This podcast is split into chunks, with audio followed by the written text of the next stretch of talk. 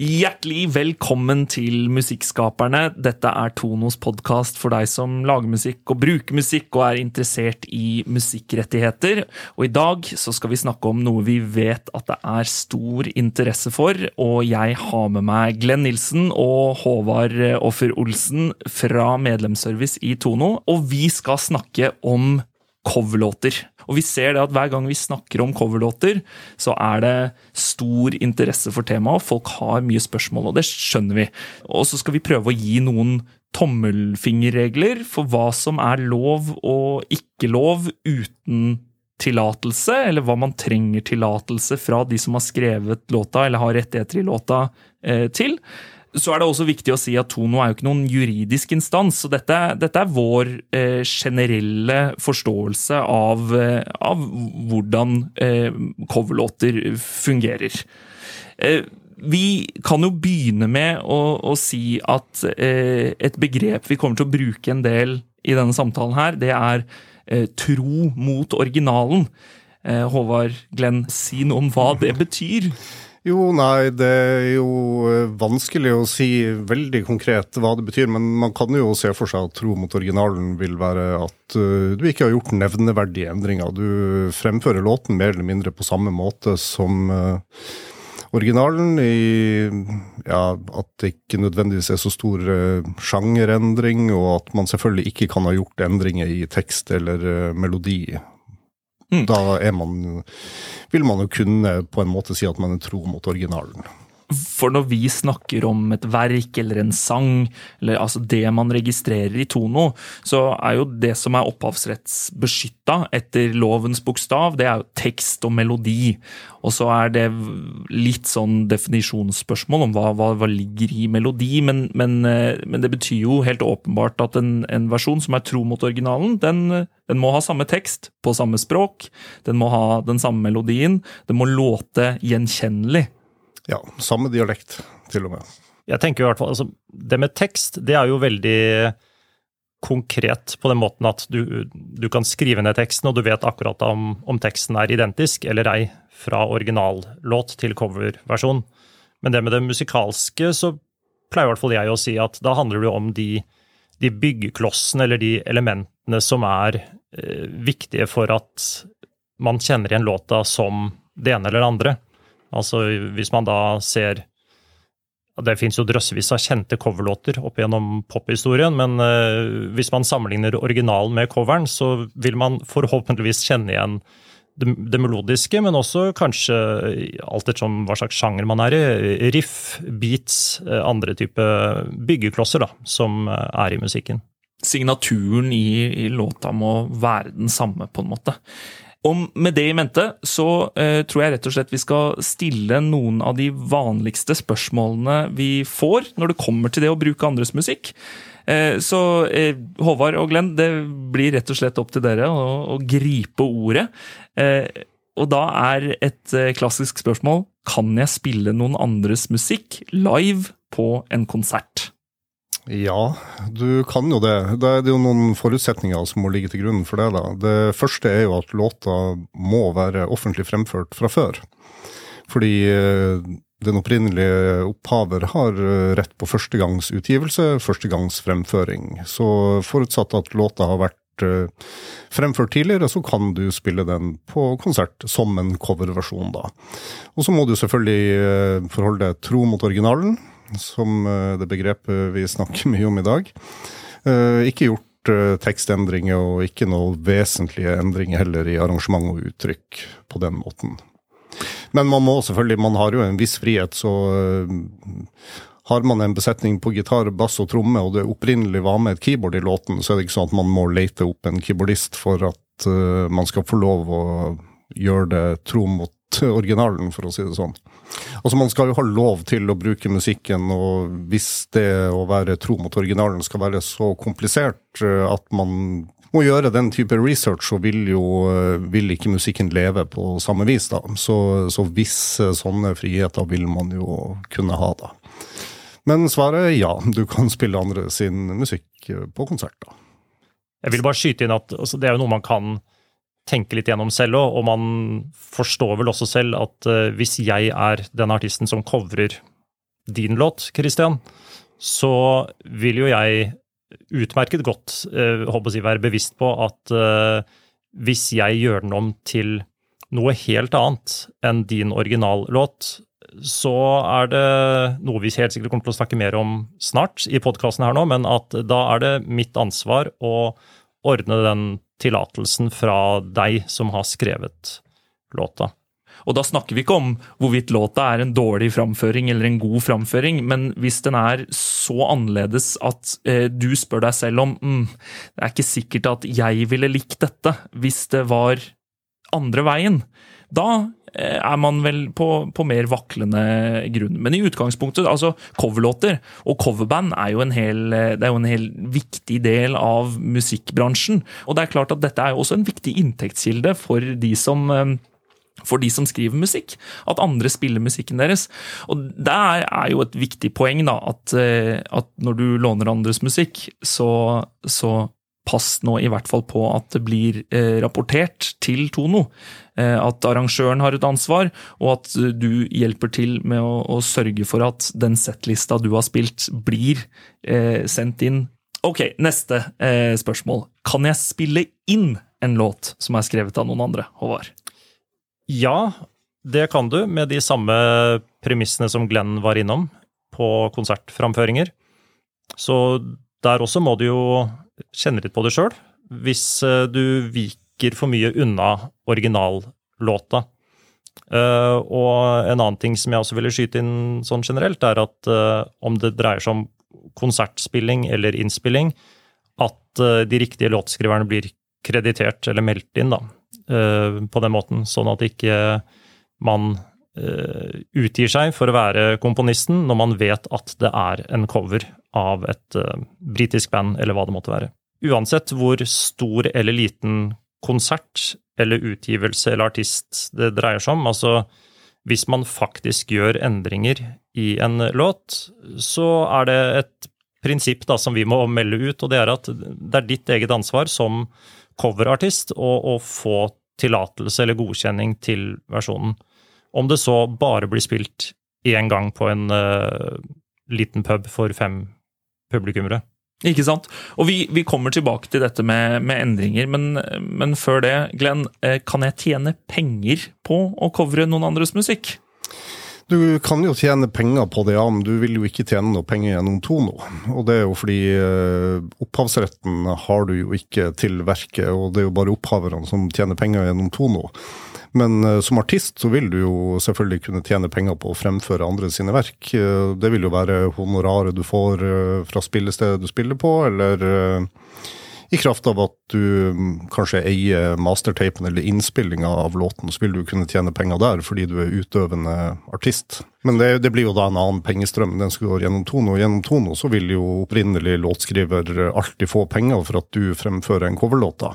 Men uh, du får artist-royaltiesen som sirkulerer rundt, uh, rundt det, da. Hvis du spiller inn låta, og den blir spilt på radio, da vil du jo nødvendigvis få Gramo-penger hvis du har meldt deg inn i Gramo og registrert den der. Mm. Og Det samme hvis du får den ut på strømmetjenester, så, så går det jo en cut til, til de som eier master, altså innspillingsrettighetene. Det er jo ofte et plateselskap, eller det er eh, artisten selv. Så da vil jo du få den pengestrømmen, mens de pengene som skal til låtskriver, vil gå til låtskriver. Ja, det er jo riktig blir låta strømma på Spotify, så betaler jo Spotify litt til din digitale distributør, som jo da er penger i kraft av at du er en master, og så betaler de penger til Tono for, eh, til låtskriveren. Og så tilbake til det du akkurat var inne på, Håvard. For å ta det en gang for alle, kan jeg endre på tekst eller melodi på en sang skrevet av noen andre? Da må du ha tillatelse først fra de som er eh, rettighetshaverne på låta. Og det kan jo noen ganger være komponist, tekstforfatter selv. Det kan være deres arvinger hvis de er eh, døde, eh, eller det kan være forlag som de har avtale med. Og det er jo opplysninger som vi i Tono kan undersøke for deg, hvis du som hører på nå, eh, tenker å oversette en engelsk tekst til norsk, eller omvendt. Så kan vi finne ut hvilke rettighetshavere du må kontakte for tillatelse. Og, og, her tenker jeg det er, det er, viktig, for her er det jo lett for oss å si nei, nei, du kan ikke det. Men det er viktig å si at det er jo ikke det vi, vi prøver å si, at det aldri er eh, fint å lage nye versjoner av eh, låter. Det fins mange utrolig flotte eh, versjoner som er endra fra originalverket. Poenget er bare at da må du ha en tillatelse fra de som har skrevet låta. Ja, for det er jo litt som vi snakket om i stad, at det er jo en, en, en rett som opphaveren har til å si ja eller nei. For det kan tenkes at uh, opphaveren har uh, sterke følelser til eller fra for den uh, kunsten eller den musikken som de har lagd, og de, de har sånn sett mulighet da, til å, å si at nei, jeg ønsker ikke at du gjør min dypt alvorlige ballade om til en humoristisk sang om hva enn det måtte være. Altså Det er en, en rett som man har i kraft av det, det vi kaller ideelle rettigheter. da. Og, og, der kommer det jo også et tilleggselement. At eh, selv om du får tillatelse til å endre låta, altså si at du komponerer eh, en ny del til en sang, eller du skriver et ekstra vers, f.eks., eh, og du får en tillatelse til å gjøre det, så eh, er det også en avtale da dere imellom, altså mellom deg og opprinnelig låtskriver, på denne nye versjonen, eh, hvordan den skal registreres i Tono. Ja, nei, det blir jo på en måte et spørsmål nummer to du eventuelt må stille til uh, opprinnelig opphaver. Det er om du eventuelt kan få registrert versjonen din hos Tono med en prosentandel til deg sjøl. Så uh, spørsmål én er jo om du kan få lov i det hele tatt. Spørsmål to, om du ønsker det, vil jo være om du kan få en prosent for det. Det hender jo at uh typisk norske oversettelser av uh, amerikanske poplåter og sånn, så kan det jo hende at uh, den norske oversetteren får en andel. Ja, da, så er det jo viktig en, altså Det mange også spør om, det om de kan få lov å endre ett ord. Uh, altså Hvis de bare har endra litt, men, men, der er det jo ikke noe nedre grense, for å si det sånn. Har man gjort en endring fra han til hun i teksten, så må man ha samtykke. Fordi ett ord kan endre hele innholdet potensielt. da. Dette er så individuelt. Det kan godt hende at den som har skrevet sangen, syns at det er helt ok, eh, men, men, poenget er at det er ikke noe Tono kan avgjøre. Og eh, du løper alltid en personlig risiko hvis du gjør endringer i noen andres verk uten å be om tillatelse. Det skal man ikke gjøre. Nei, bedre føre var enn etter snar. Helt definitivt. Kan jeg bruke, og dette er jo et interessant spørsmål, for det går jo på det eh, mange kjenner som sampling. Så kan jeg bruke deler av noen andres sang i min nye sang? Det er jo litt samme svar som vi ga i stad, at eh, da også må du ha tillatelse fra rettighetshaverne. Og når du snakker om sampling, så er det jo viktig at da er det jo ikke bare tonorettighetene, altså opphaverne komponist, tekstforfatter, men det er også det Glenn var innom, med innspillingsrettigheter. Altså hvis jeg eh, lager en låt i studio, og så velger jeg å sample noe av en eh, britisk artist, så vil nok sannsynligvis den artisten ha et plateselskap eller en eller annen aktør som sitter på masterrettighetene. Og da må jeg klarere de masterrettighetene i tillegg til eh, tonorettighetene eller komponistrettighetene eh, i verket, da. Så her er det, det er to ting, da. Det, nei, du kan ikke låne en tekstlinje eller en bit av et refreng eller et riff av noen andres låt i en ny låt du skriver. Men du kan heller ikke klippe ut små deler av en allerede innspilt låt og bruke i din låt uten å ha tillatelse. Og der også er det en sånn, litt som Glenn var inne på i stad, det er ikke noen nedre grense når det gjelder sampling heller. Det er også en sånn misoppfatning som i hvert fall jeg har inntrykk av at noen sitter med, at hvis man bare sampler et halvt sekund, eller eh, noe sånt, så er det greit. Men eh, det er det ikke. Altså Man skal ha tillatelse uansett hvor lite man sampler fra andres låter. Hva med arrangementer. Det er jo et, eh, enda et begrep som, som beskriver en, en, slags form for endring av, eh, av, musikken, og kan jo bety så mangt. Eh, men, men, hva pleier vi å si når folk spør om de kan arrangere noen andres verk?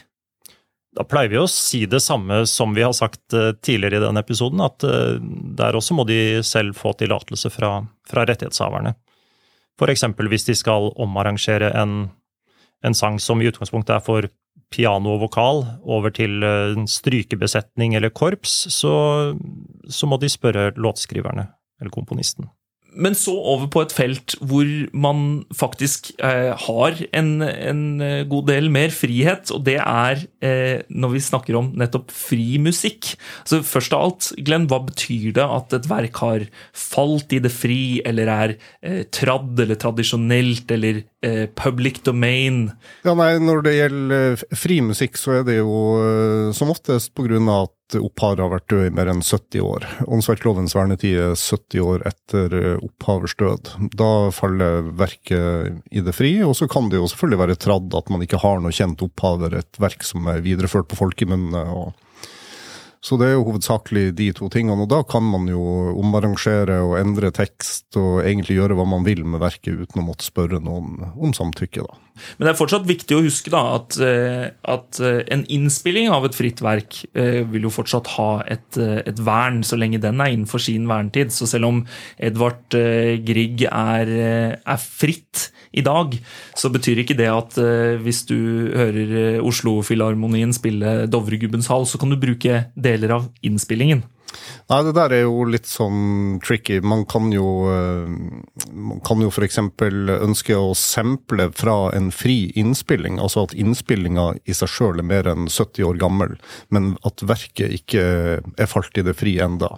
Så det betyr at man slipper å klarere eventuelle masterrettigheter, men man må fremdeles klarere opphavsretten. Eller så kan det være motsatt, da, hvis man ønsker å sample fra en ny innspilling av Oslo-filharmonien, da så kan det jo være at uh, selve verket er fritt, men at innspillinga er fremdeles uh, eid av noen, eller verna da, av åndsverkloven. Og så når det gjelder det med vernetid på verk, så er det viktig å si at alle opphaverne i verket må ha vært døde i minst 70 år for at det trer i kraft. da. Sånn at hvis man har en låt som er skrevet av en person som døde i 1948, og en som fortsatt lever i dag, så er det et vernet verk og jeg tror det er så mye informasjon vi klarer å presse inn i denne samtalen om, om coverlåter og, og, bruk av andres musikk og framføring av andres musikk. Eh, og så er det ikke sikkert at vi har svart eh, på, på det spørsmålet du sitter og, og brenner inne med akkurat nå. og da er det jo ikke noe annet å si enn at du må ta kontakt med Du må bare ta kontakt med medlem, eh, medlemsservice her i Tono. Medlem at tono.no, eller per telefon 2205 7280. Og med det så tror jeg vi takker for oss, og så eh, håper vi at eh, du abonnerer på Musikkskaperne og følger Tono eh, på sosiale medier. Så høres vi om et par uker.